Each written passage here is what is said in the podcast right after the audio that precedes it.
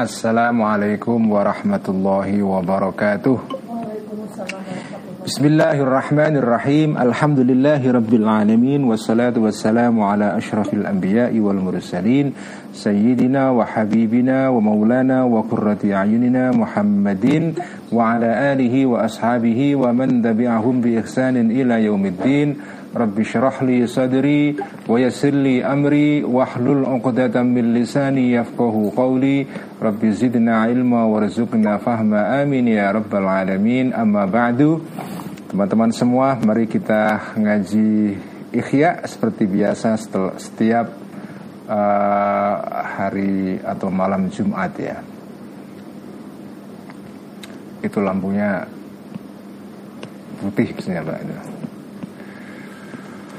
Mari kita mulai ngaji ihya seperti biasa dengan hadiah Al-Fatihah ila ruhi nabiyina wa syafiina Muhammadin sallallahu alaihi wasallam wa ila arwahi ikhwanihi minal anbiya'i wal mursalin wa ila arwahi al-ali wal ashabi ajma'in wa ila arwahi at-tabi'in wa tabi'it tabi'in wa ila arwahi al-a'immatil mujtahidin wal ulama'i salihin wal awliya'i wa syuhada'i was salihin khususan ila ruhi sultanil awliya' Syamsul Qadir al-Jailani وإلى روح الإمام الجنيد البغدادي وإلى روح الشيخ الأكبر مخيد ابن عربي وإلى أرواح أولياء الله تعالى أصحاب الطرق المعتبرة وإلى أرواح أولياء ولسانه في أرض جاوة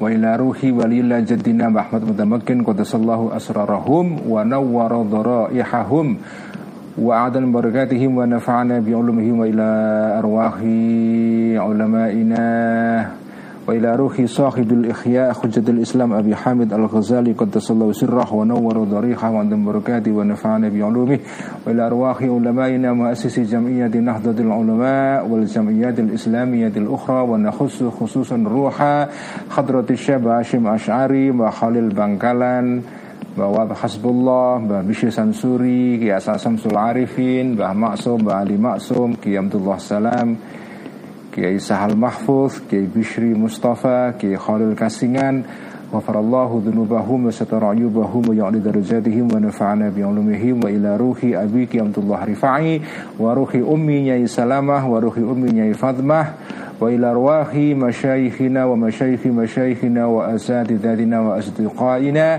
dan juga hadiah Al-Fatihah untuk ayahandanya salah satu santri Ikhya yaitu Mbak Muna yang Haji Muhammad Syamsuri yang meninggal uh, hari ini Mbak Admin ya.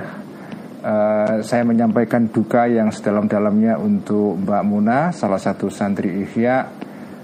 Uh, semoga husnul khatimah ayahandanya husnul khatimah dan diberikan kelapangan di kuburnya dan diganjar segala, segala amal baiknya, diampuni segala kesalahannya dan yang ditinggalkan diberikan kesabaran.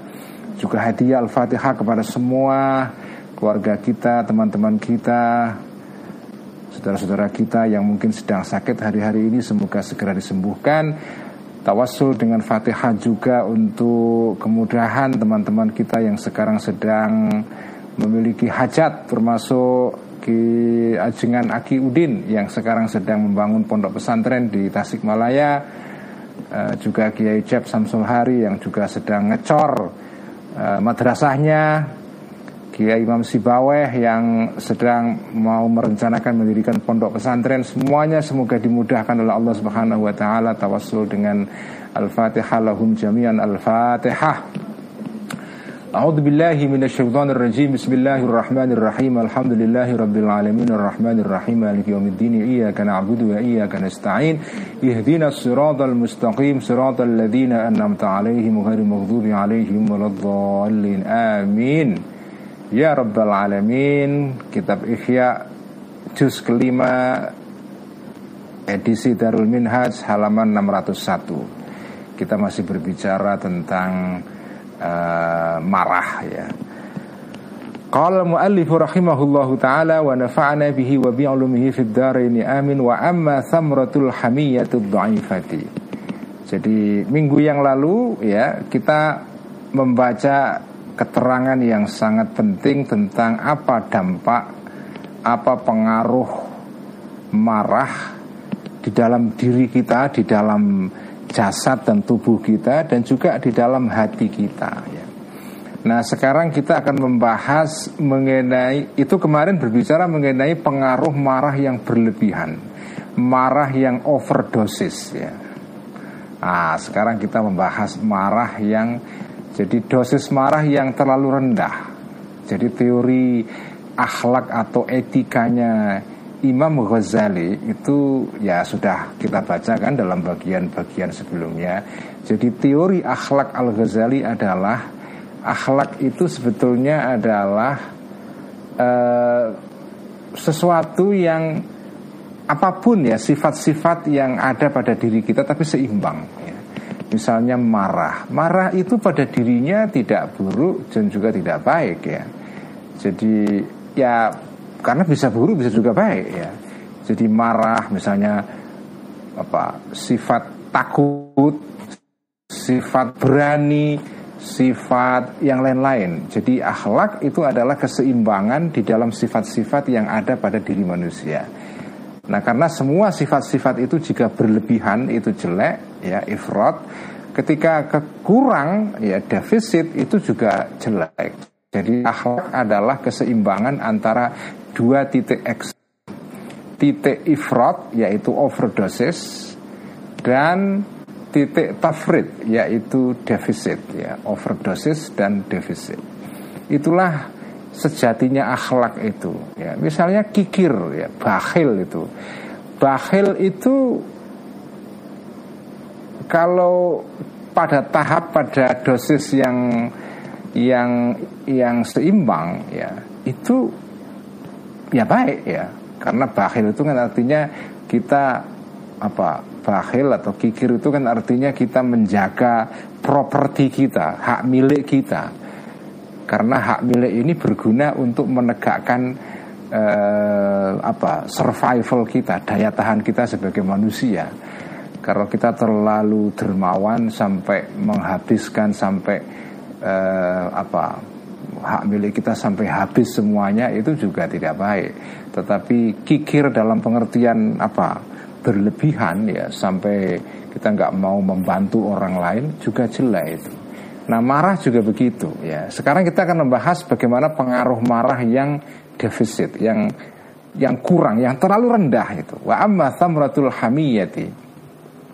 Adapun buahnya hamiyah yaitu marah ya, ad yang lemah jadi marah yang lemah. Alhamiyah itu sebetulnya maknanya juga al-ghadab ya.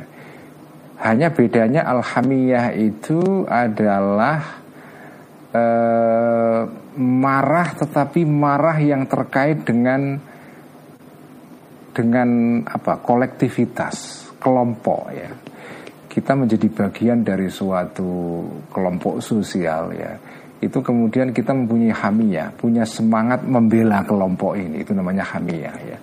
Al-ghadab itu marah dalam pengertian umum. Al-hamiyah itu hamiyah dalam pengertian marah untuk membela apa? sesuatu, membela orang lain. Karena kita menjadi bagian dari suatu komunitas, suatu kolektivitas, suatu himpunan sosial ya Nah, ketika kita menjadi bagian dari himpunan sosial, kita mengidentifikasi dengan himpunan itu. Kita menjadi bagian dari kelompok itu. Nah, ketika kelompok ini diserang, ya, nah kita membela pasti. Nah, itu namanya hamiyah. Tetapi kalau al-ghadab itu marah dalam pengertian umum. Al-hamiyah itu hamiyah membela kelompok, ya, membela sesuatu, ya.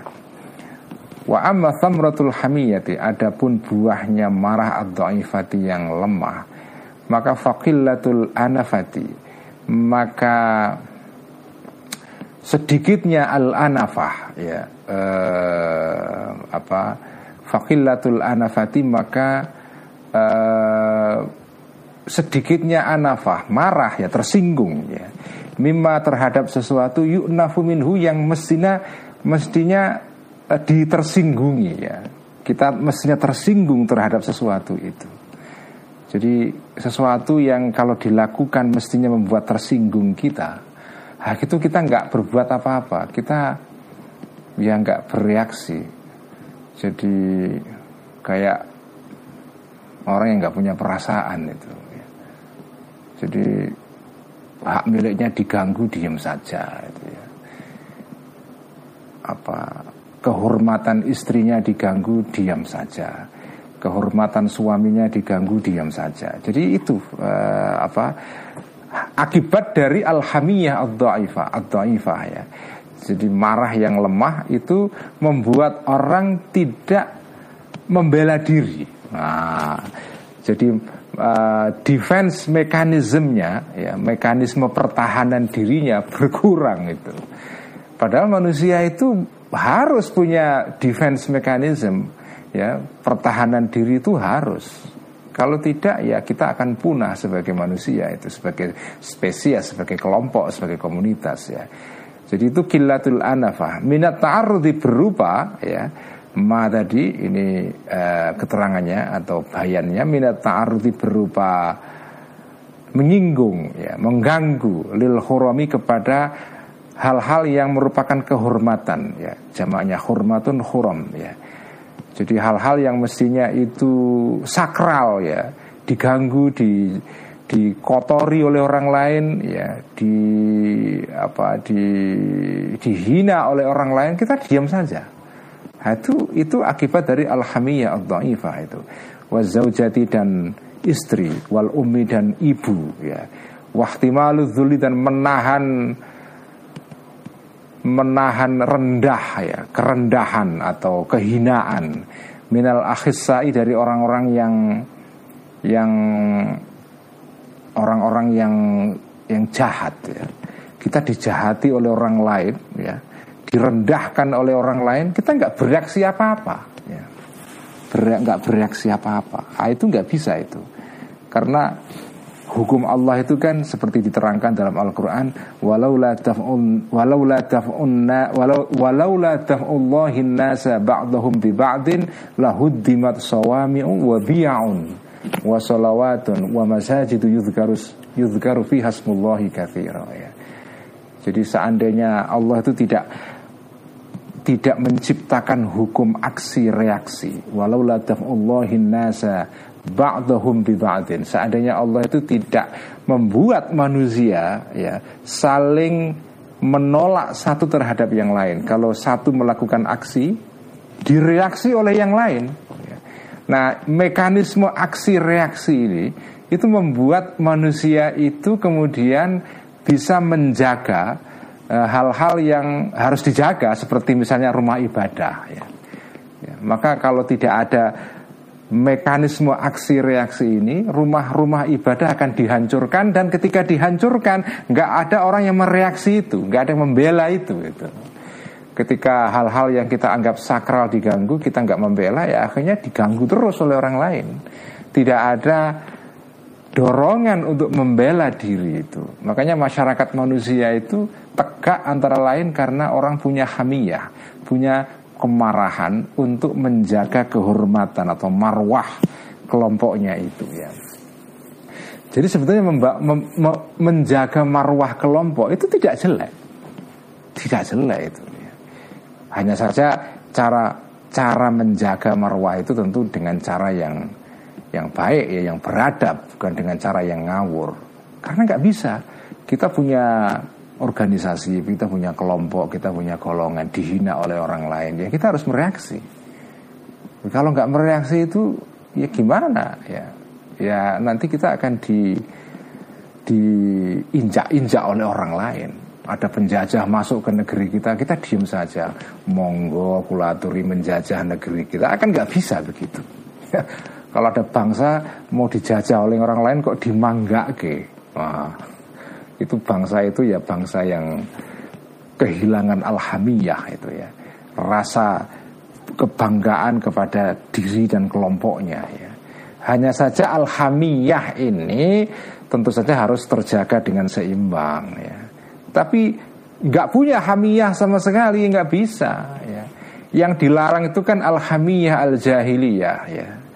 Jadi apa kemarahan tapi kemarahan jahiliyah, kemarahan yang ngawur sengawur-ngawurnya ya.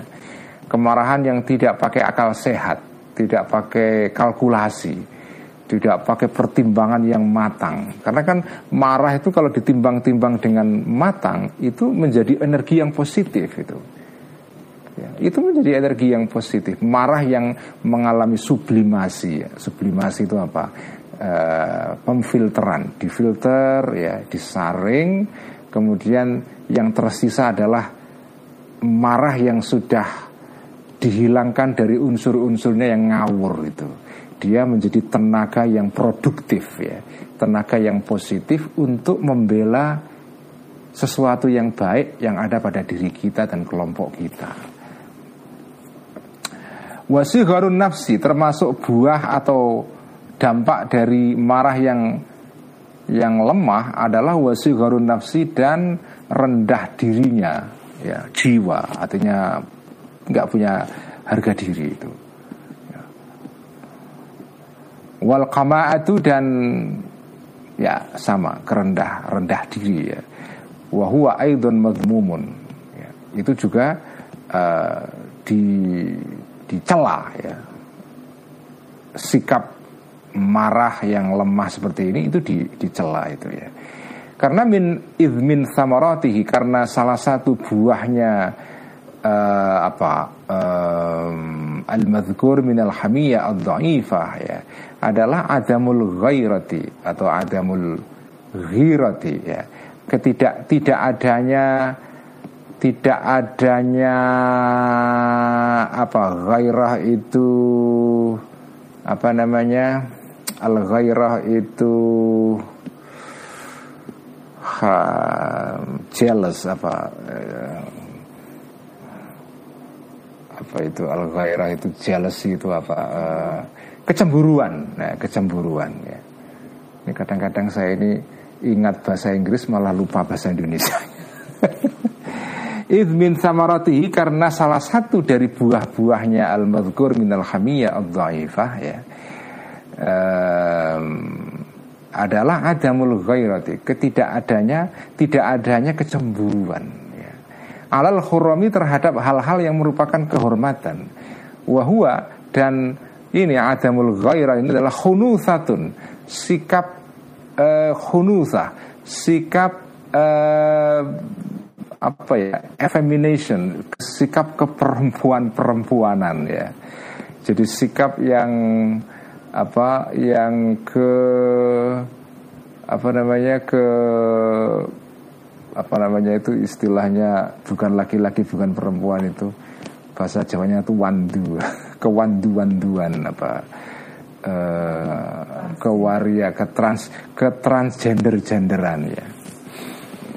Ya ini bahasanya mungkin kalau sekarang sudah sudah mungkin uh, beda ya. Sekarang kan ini dianggap tidak tidak sensitif kepada uh, isu transgender ya. Tapi ini kan bahasa pada zaman Imam Ghazali jadi jangan di jangan dipersoalkan terlalu terlalu jauh ya.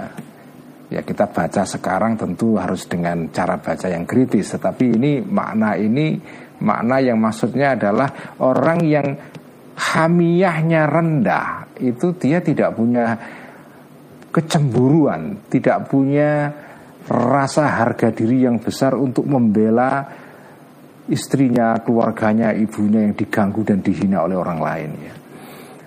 Qala bersabda kajian Nabi Shallallahu alaihi wasallam Inna sa'dan laghayurun ya. Inna sa'dan ya Sesungguhnya sahabat Sa'ad ya. Lagoyurun itu adalah sahabat yang sangat uh, cemburu. Lagoyurun adalah uh, sahabat yang sangat uh, cemburu ya. Wa dan aku adalah aghyaru Lebih cemburu min saatin dari sahabat saat Wa inna Allah nah sesungguhnya Allah Ta'ala aghyaru Lebih cemburu Allah ini mini daripada aku Daripada aku jadi ini uh, apa? Ya inilah salah, salah satu sifat yang harus dipunyai oleh semua orang adalah ya kecemburuan.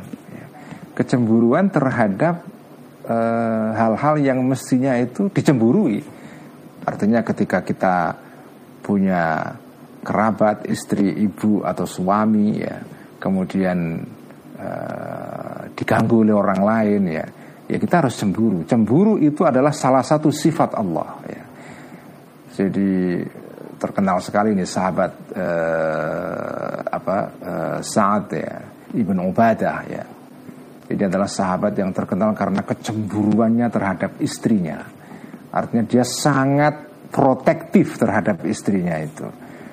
Nah sifat seperti itu dipuji karena itu sifat yang e, membuat seseorang itu kemudian menjaga kehormatan ya keluarganya dan istrinya. Kanji Nabi mengatakan saya itu adalah orang yang lebih cemburu daripada saat ini dan Allah lebih cemburu daripada saya. Ya, jadi Allah itu sangat cemburu jika hal-hal yang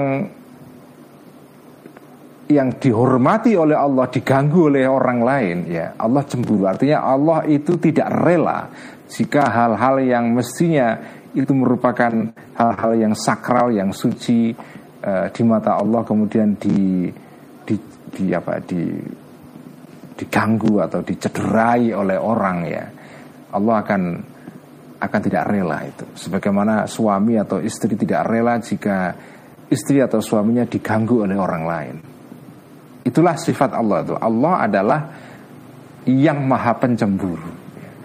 Ketika Allah itu kemudian disekutukan oleh manusia, ya, manusia menganggap ada Tuhan selain Allah.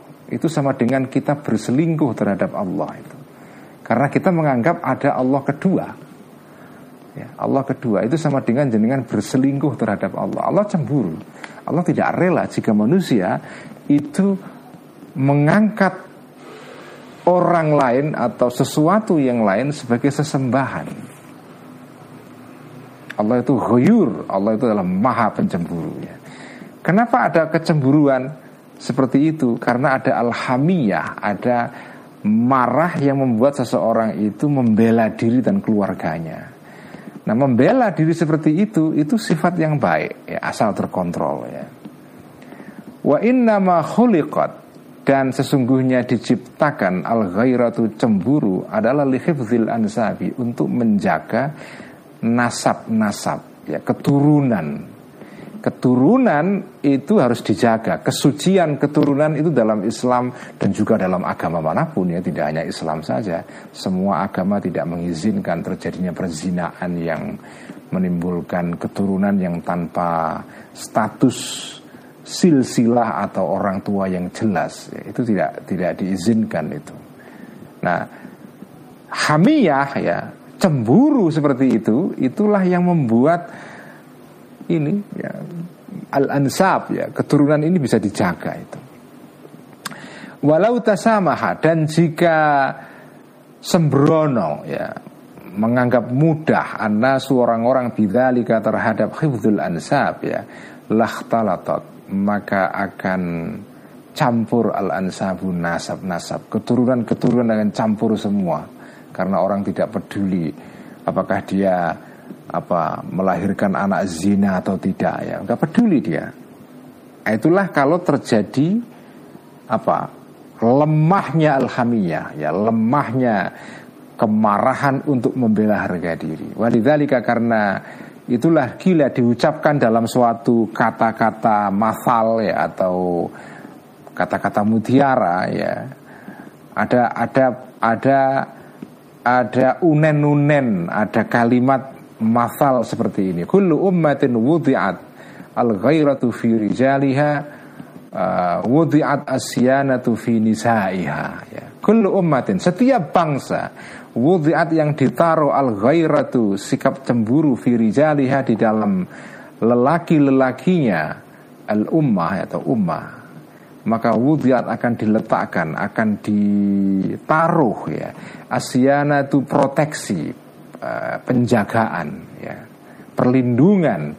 Finisaiha di dalam perempuan-perempuannya ummah tadi itu. Jadi bangsa yang lelaki-lelakinya itu punya harga diri yang besar, maka perempuan-perempuan di kalangan bangsa itu akan terproteksi, akan terjaga itu.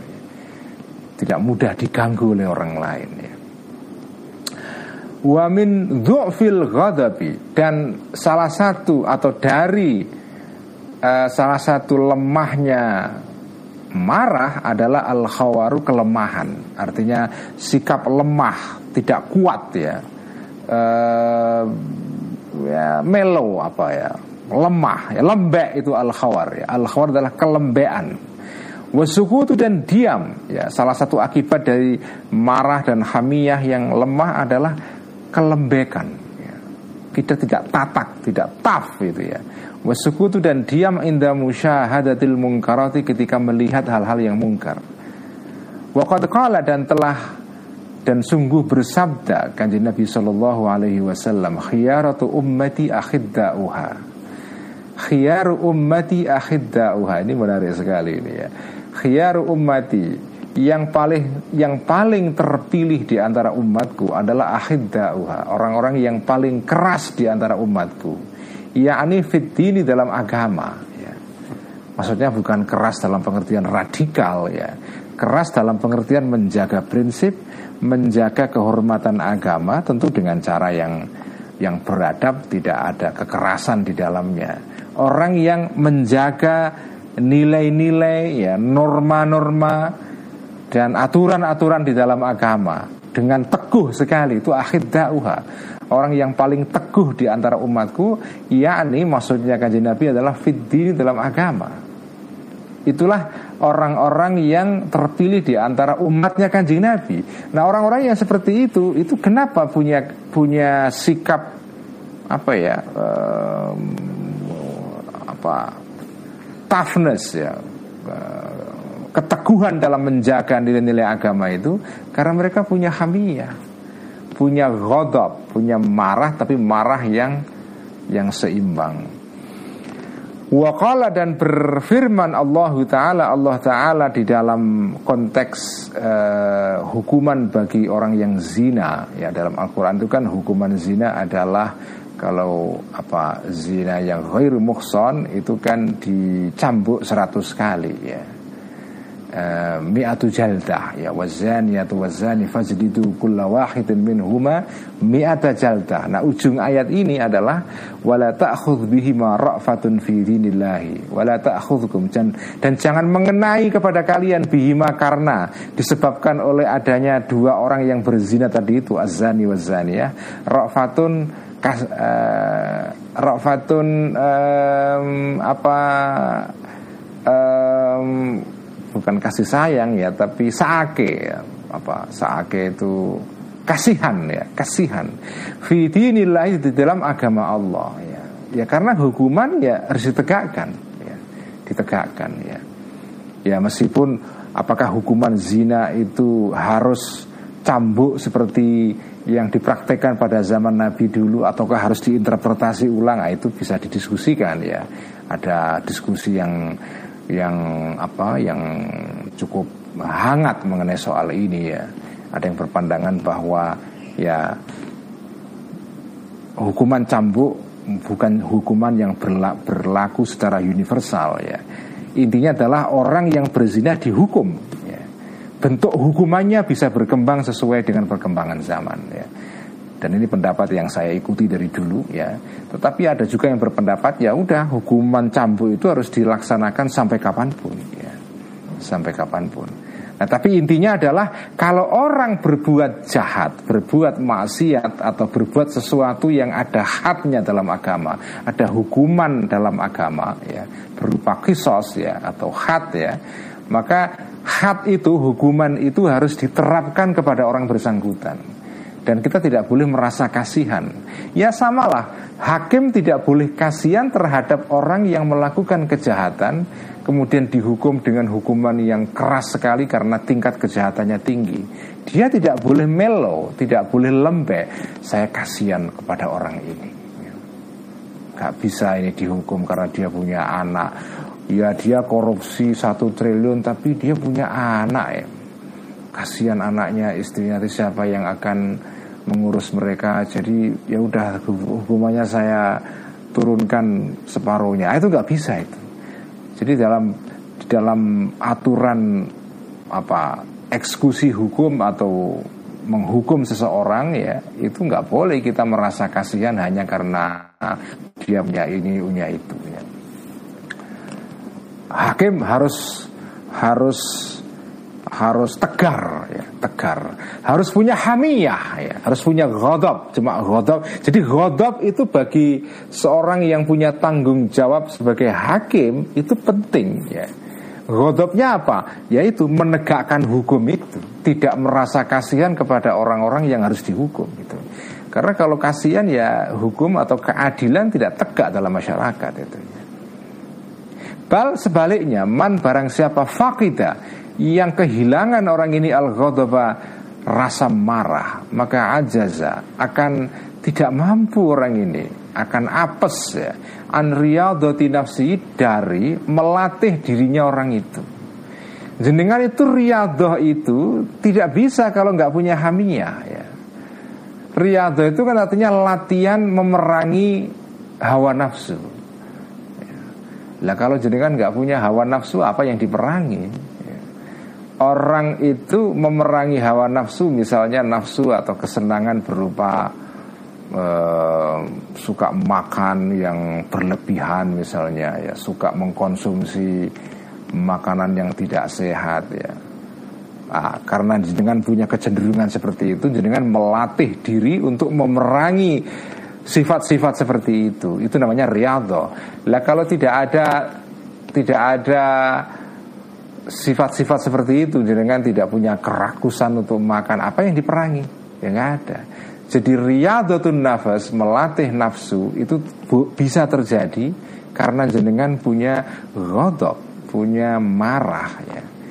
Jadi karena marah ini punya potensi untuk meluap tidak terkontrol jenengan latih diri sampean itu. Lah kalau jenengan nggak punya marah terus apa yang mau dilatih ya? Ya nggak bisa itu ya.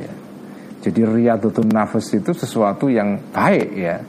Nah jenengan tidak bisa melakukan riyadatul nafas kalau tidak punya nggak punya ghadab ya. Idla tatimu karena tidak sempurna riyadatul latihan rohani kejiwaan illa bitaslidil ghadabi kecuali dengan cara menguasakan, membuat berkuasa terhadap marah ya, ala syahwati eh, terhadap syahwat ya.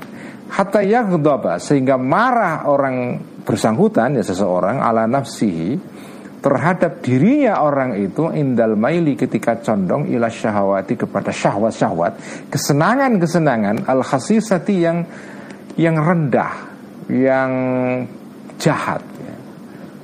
jadi kalau jenengan punya kecenderungan untuk melakukan hal yang jahat Anda marah kepada diri sendiri. Dengan cara apa? Mengendalikan itu lah kalau nggak punya marah anda tidak punya dorongan untuk mengendalikan diri itu ya. Fafaqdul Maka hilangnya ghadab adalah mazmumun dicela. Jenengan nggak punya ghadab itu dicela. Nggak baik itu. Tetapi punya ghadab punya marah yang overdosis juga dicela. Wa innamal mahmudu Sesungguhnya yang dipuji Ghadabun adalah marah ya. Yantaziru Yang yang melihat, yang menunggu ghadab ini isyarat al-aqli terhadap isyaratnya terhadap komandonya akal wadini dan agama.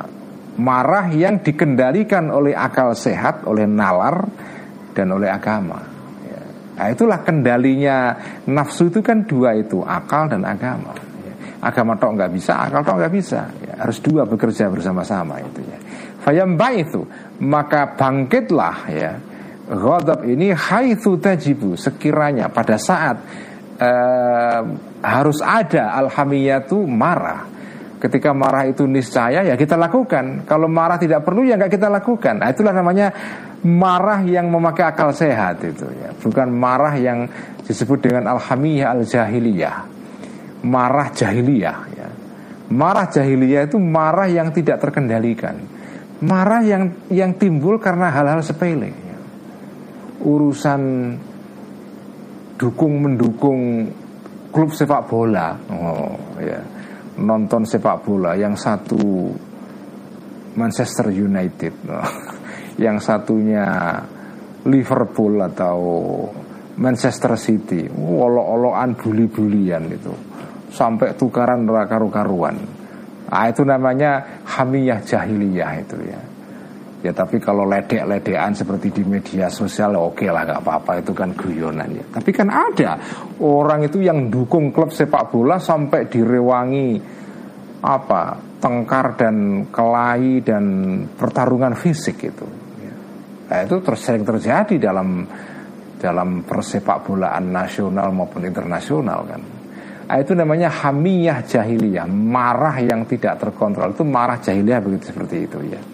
Jadi marah kalau diperlukan ya marah. Kalau enggak enggak ya. Wayan dan padam marah ini haitsu yahsunu ketika uh, menjadi baik ya menjadi terpuji. Al hilmu sabar. Kalau kalau konteksnya menuntut kita sabar ya kita mengendalikan kemarahan kita. Kalau konteksnya meniscayakan kita untuk marah ya marah itu ya Nah, tapi ini susah ini ya. Ini ngomong begini mudah. Saya kan saya ini kan hanya baca kitab Ihya ya. Belum tentu saya bisa mengamalkan ini ya. Belum tentu itu. Belum tentu. Susah loh. Kadang-kadang ada situasi yang yang meledak gitu ya. Wah, sudah kita nggak bisa ngontrol itu. Wah, akhirnya keburu nafsu. Setelah reda baru kita sadar, ya kok saya kok bisa begitu ya seperti diterangkan kemarin minggu yang lalu orang marah itu kata Al Ghazali itu kalau seandainya direkam marahnya terus setelah dia sadar kemudian reda marahnya disetel kembali ditunjukkan ke orang itu dia pasti akan malu itu. Kok bisa saya marah seperti itu ya? Kok rasanya kok lucu gitu ya, ya makanya kalau orang itu marah itu coba direkam kemarahannya itu ya. nanti disetel kembali pada saat sudah reda supaya dia malu dan tidak mengulangi lagi marahnya. Ya. Pasti malu itu ya, apalagi kalau marahnya nggak terkontrol ya. Wahibzuhu dan menjaga marah ya, ala hadil i'tidali menurut ukuran yang moderat ya, ukuran keseimbangan huwa uh, adalah al istiqomah itu adalah keistiqomahan. Itulah namanya istiqomah jejak. Jadi lurus ya. Allati kallafa yang membebani ya, menyuruh Allahu Allah biha terhadap istiqomah ini ibadahu uh, hamba-hambanya Allah. Kita itu kan disuruh oleh Allah untuk untuk mengerjakan sesuatu namanya istiqomah ya. Fastaqim kama umirt ya. Maka istiqomalah engkau ya. Jadi istiqomah itu artinya berada di tengah-tengah, di titik tengah-tengah antara ekstrim kanan dan ekstrim kiri, antara titik uh, al-ifrat dan tafrid ya.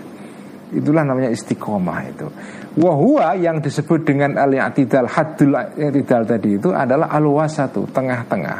Alladzi wasafa yang mensifatihu kepada uh, al-i'tidal tadi Rasulullah Rasulullah sallallahu alaihi wasallam uh, Nabi menggambarkan i'tidal, moderasi itu, ketengah-tengahan itu ya seperti ini haitsu qala uh, ketika atau sekiranya bersabda kanjeng Nabi khairul umuri ausatuha ya. Ada yang redaksinya ausatuha tetapi yang paling uh, banyak riwayatnya adalah khairul umuri ausatuha. Sebaik-baik perkara adalah ausatuha. Ya. Tengah-tengah bukan tengah-tengah tengah-tengah dalam pengertian jamak ya. Kan bahasa Indonesia itu kalau jamak kan diulang. Buku-buku anak-anak rumah-rumah tengah-tengah di sini bukan tengah-tengah ungkapan tapi jamak itu. Tuha tengah-tengahnya ya. Beberapa tengah-tengahnya perkara ini ya. Perkara itu yang paling baik ya ya yang di tengah-tengah itu ya. Faman maka barang siapa malah yang condong Godobuhu Marahnya orang ini ilal futuri kepada Futur, kekendoran ya, Defisit. Marahnya rendah sekali Maka ahassa Maka akan merasa orang ini min nafsi dari dirinya orang itu fil ghairati Dengan lemahnya kecemburuan. Wahissatin nafsi Dan rendahnya nafsu. Nafsunya tidak punya harga diri. Fikhtimali di dalam menahan kerendahan atau ke apa itu ke ya ke kerendahan atau ya kerendahan. Wadaimi dan dan ya sama kerendahan ya. Fi ghairi mahali di dalam maksudnya kerendahan dalam kehilangan harga diri itu ya. Fi ghairi mahali di dalam uh, di dalam selain tempatnya azul dan adaim ya. Jadi jenengan tuh merendahkan diri itu baik tetapi kalau tidak pada tempatnya itu menjadi jelek. Nah orang yang tidak punya marah yang cukup itu biasanya adalah kehilangan harga diri. Sehingga dia merendahkan diri diri pada pada tempat pada situasi yang semestinya dia tidak melakukan itu. Artinya apa? Zolim merendahkan diri itu kalau tepat saatnya konteksnya waktunya ya bagus tetapi kalau merendahkan diri itu di luar di luar konteksnya ya jelek itu ya. Di luar momen yang se, se, apa ya yang tepat ya ya jelek itu ya. Ya kalau dalam bahasa Jawa itu empan papan ya. Itu ajaran yang penting sekali ya empan papan itu. Ada saatnya kita merendahkan diri. Ada saatnya kita sombong. Ada saatnya kita ini dermawan ada saatnya kita ini kikir bahil itu ya ada saatnya ini kita lemah lembut, ada saatnya kita keras ya. Nah, itulah namanya akhlak. Akhlak itu adalah kita menerapkan sifat-sifat yang ada pada semua manusia, sifat kikir, sifat marah, bakhil dan segala macam itu kan sifat-sifat yang memang sudah pre-install, sudah diinstal dalam diri kita sejak kita lahir. Allah itu ketika menciptakan kita lahir precet ke ke muka bumi ini itu seperti seperti gadget ya gawai yang sudah pre-install sudah ada aplikasinya itu ada aplikasi marah ya. ada aplikasi kikir bahil ya. ada aplikasi hasut ya. ada aplikasi suka pamer ya ada aplikasi uh, rendah diri atau rendah hati ada aplikasi tawadu ya andap asor ada aplikasi suudzon, ada aplikasi husnuzon, macam-macam. Jadi akhlak-akhlak itu kira-kira seperti aplikasi-aplikasi yang itu sudah ditanamkan oleh Allah sejak kita lahir itu. Ya cuma menunggu momennya aja. Kadang-kadang ada ada apa ya ada pendidikan ada lingkungan yang membuat misalnya sifat-sifat tertentu tenggelam yang lain muncul itu ya um, akhlak itu adalah menjaga supaya sifat-sifat ini itu tumbuh secara seimbang itu. Fayam bagi maka uh, seyogianya uh, apa itu an yu'alija ya failnya fayam bagi maka seyogianya an yu'alija mengobati, mengatasi seseorang nafsu kepada diri orang ini hatta yukawi, hatta yukawi ya sehingga memperkuat orang ini ghadabahu terhadap marahnya orang itu. Kalau dia mengalami defisit marah ya harus ditingkatkan marahnya. Kalau jenengan apa ya HB-nya turun ya ya ditingkatkan HB-nya makan sate, ya, makan jeruan apa supaya naik lagi ya. Tapi kalau sudah hipertensi, nah ya sudah diturunin lagi. Ya, begitulah. Sama dengan merawat tubuh itu dengan cara menyeimbangkan indikator-indikator fisik dalam diri kita, tekanan darah, gula, kolesterol, macam-macam itu. Kalau kelebihan diturunkan, kalau kurang ya dinaikkan, kan gitu kan. Janjinya sederhana ya. Ajaran-ajaran tasawuf itu sederhana sebetulnya. Semua orang udah tahu. Cuma saking sederhananya, saking semua sudah orang tahu ya malah nggak dilaksanakan. Nah, itulah kembali kepada ngaji miskat kemarin. Cahaya itu kalau saking terangnya itu malah orang nggak bisa lihat itu. Semua orang kan sudah tahu seimbang itu baik itu. Ya, tidak terlalu apa ya cepat marah, tapi juga tidak terus tidak, tidak punya marah sama sekali ya. Seimbang itu tahu semua ya. Bahkan jenengan tidak perlu untuk menjadi profesor atau doktor atau bahkan sekolah S1 untuk mengetahui ini. Semua orang tahu. Ya, ini adalah hal yang sudah semestinya diketahui oleh semua orang. Itu ini cahaya yang ada di mana-mana sebetulnya. Ya, ini miskat, ini cahaya di mana-mana. Tapi karena saking terangnya cahaya ini, itu kita malah nggak lihat itu. Makanya banyak orang yang lupa. Ya Orang ngerti kok marah yang tidak terkontrol itu jelek, tapi ya, ya tetap dilanggar itu, tetap dilanggar itu ya.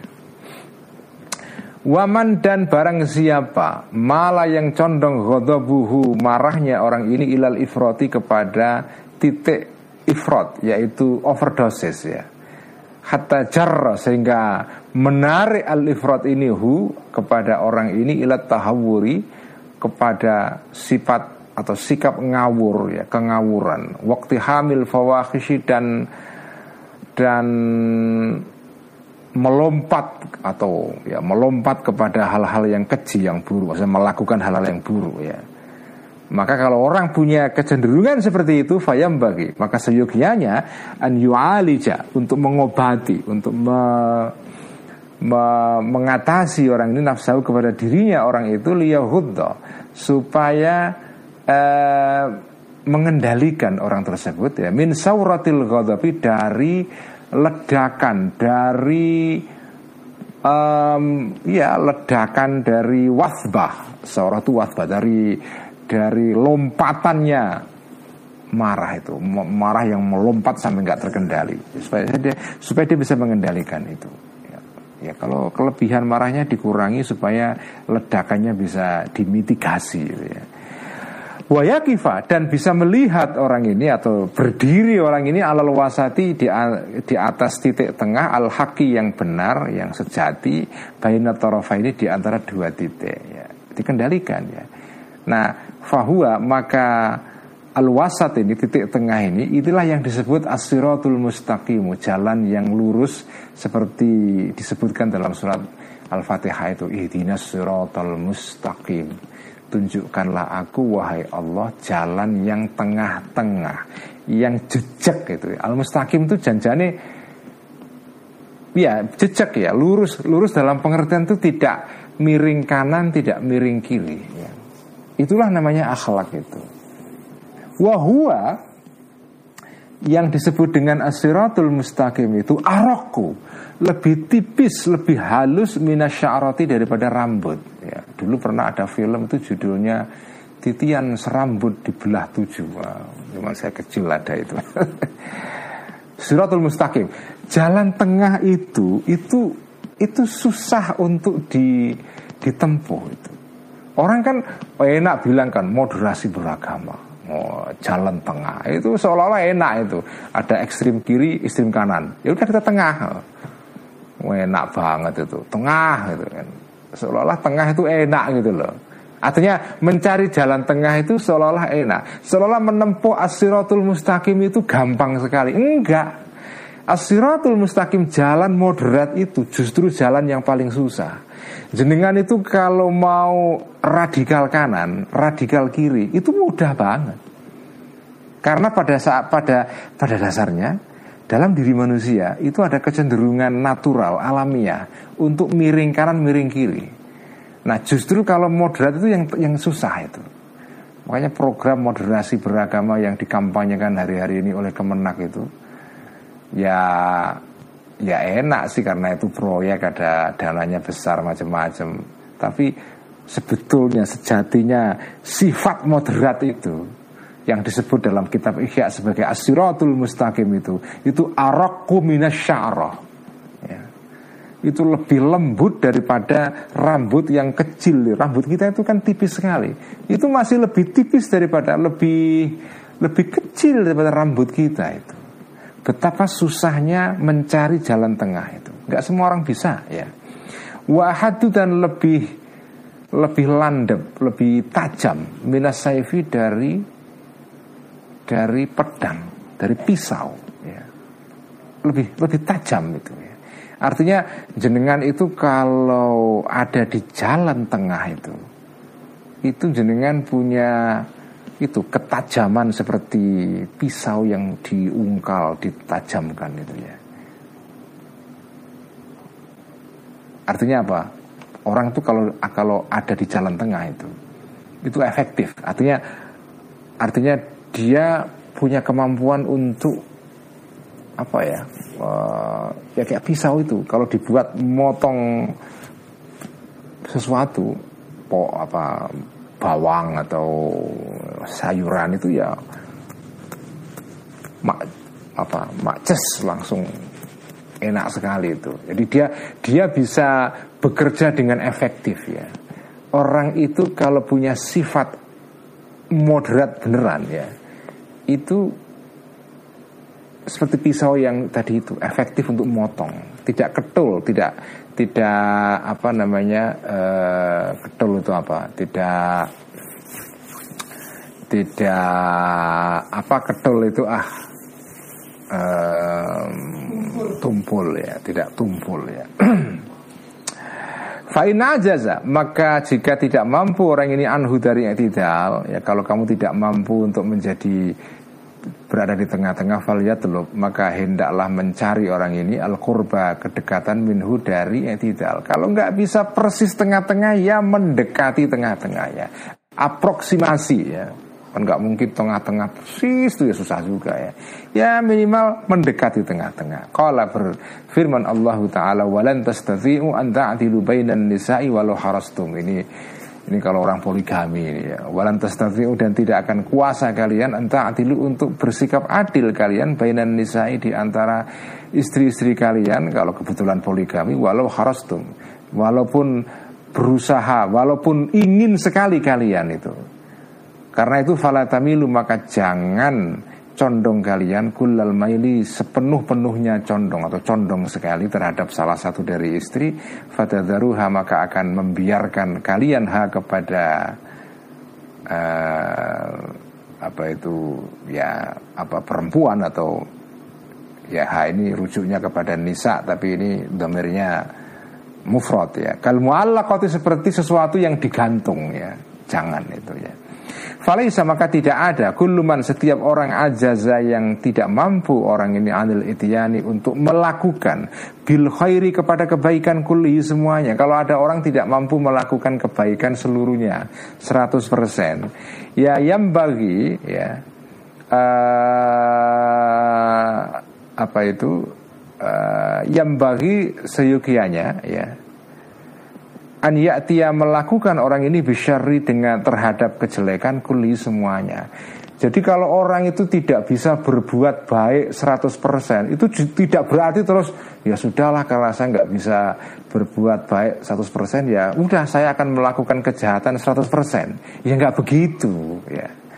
Sebaikan ke, ke, Sebagian dari kebaikan pun sudah baik gitu loh. Jadi kan hanya mampu melakukan kebaikan dari 10 hanya tiga saja, ah, itu udah bagus itu. Jangan orang itu sifat apa prinsipnya adalah apa zero sum game itu istilahnya ya. Kalau nggak bisa dapat 100 ya sudah saya tinggalkan semuanya. Kalau saya nggak bisa melakukan kebaikan 100 ya saya akan putar balik 180 derajat melakukan 100 kejelekan. Jangan itu ya. Walakin ba'du syarri Tetapi sebagian dari kejelekan Ahwanu lebih ringan Mimpa itu daripada setengah ya.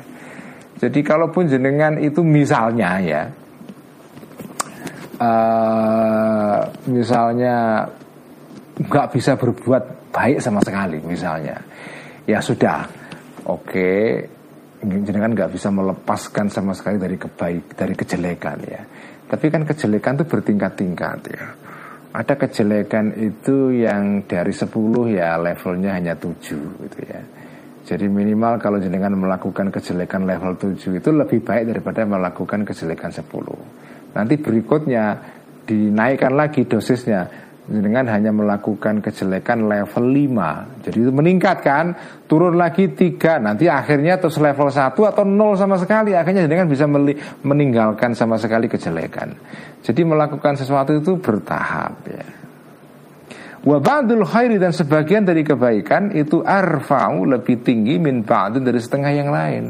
Kebaikan itu juga sama bertingkat-tingkat ya. Kalau nggak bisa melakukan kebaikan yang yang orisinal ya kebaikan yang KW satu, KW dua, nggak apa-apa lah ya. Yang penting kan kebaikan ya. Fahadi maka inilah hakikatul ghadabi sejatinya marah wa darajatu dan derajat-derajatnya marah. Sudah selesai keterangannya. Nas'alullah meminta kami atau aku Al-Ghazali Allah kepada Allah husnat taufiki ke, eh, ke, kebaikannya taufik ya pertolongan Lima pertolongan untuk melakukan apa? Lima terhadap sesuatu melakukan sesuatu yurdi yang membuat ridho senang ma perkara tadi itu hi kepada Allah ya. Inna sesungguhnya Allah alama terhadap sesuatu yasha'u yang menghendaki Allah terhadap ma qadirun itu adalah zat atau yang maha kuasa ya. Nah nanti minggu depan kita akan uh, membahas bayanu annal ghadaba hal yumkinu izalatu aslihi biryadati amla apakah marah itu bisa dilatih untuk dihilangkan sama sekali atau tidak? Ah itu nanti akan dibahas pada bab berikutnya.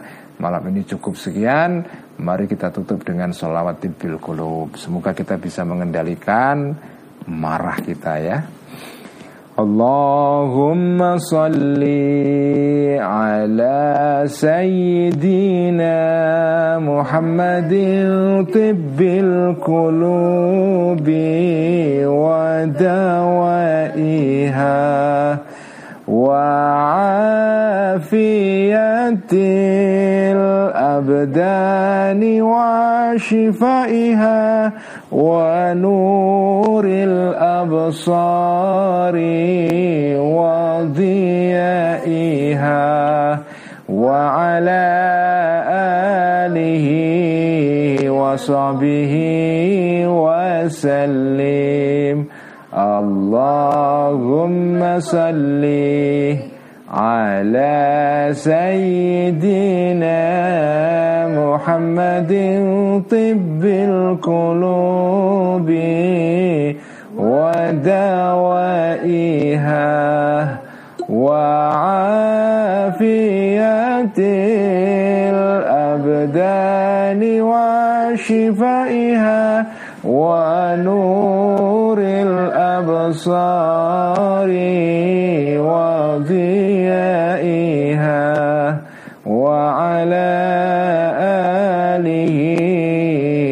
وصحبه وسلم. اللهم صل على سيدنا محمد طب القلوب ودوائها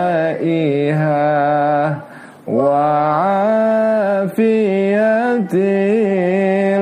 الأبدان وشفائها ونور الأبصار وضيائها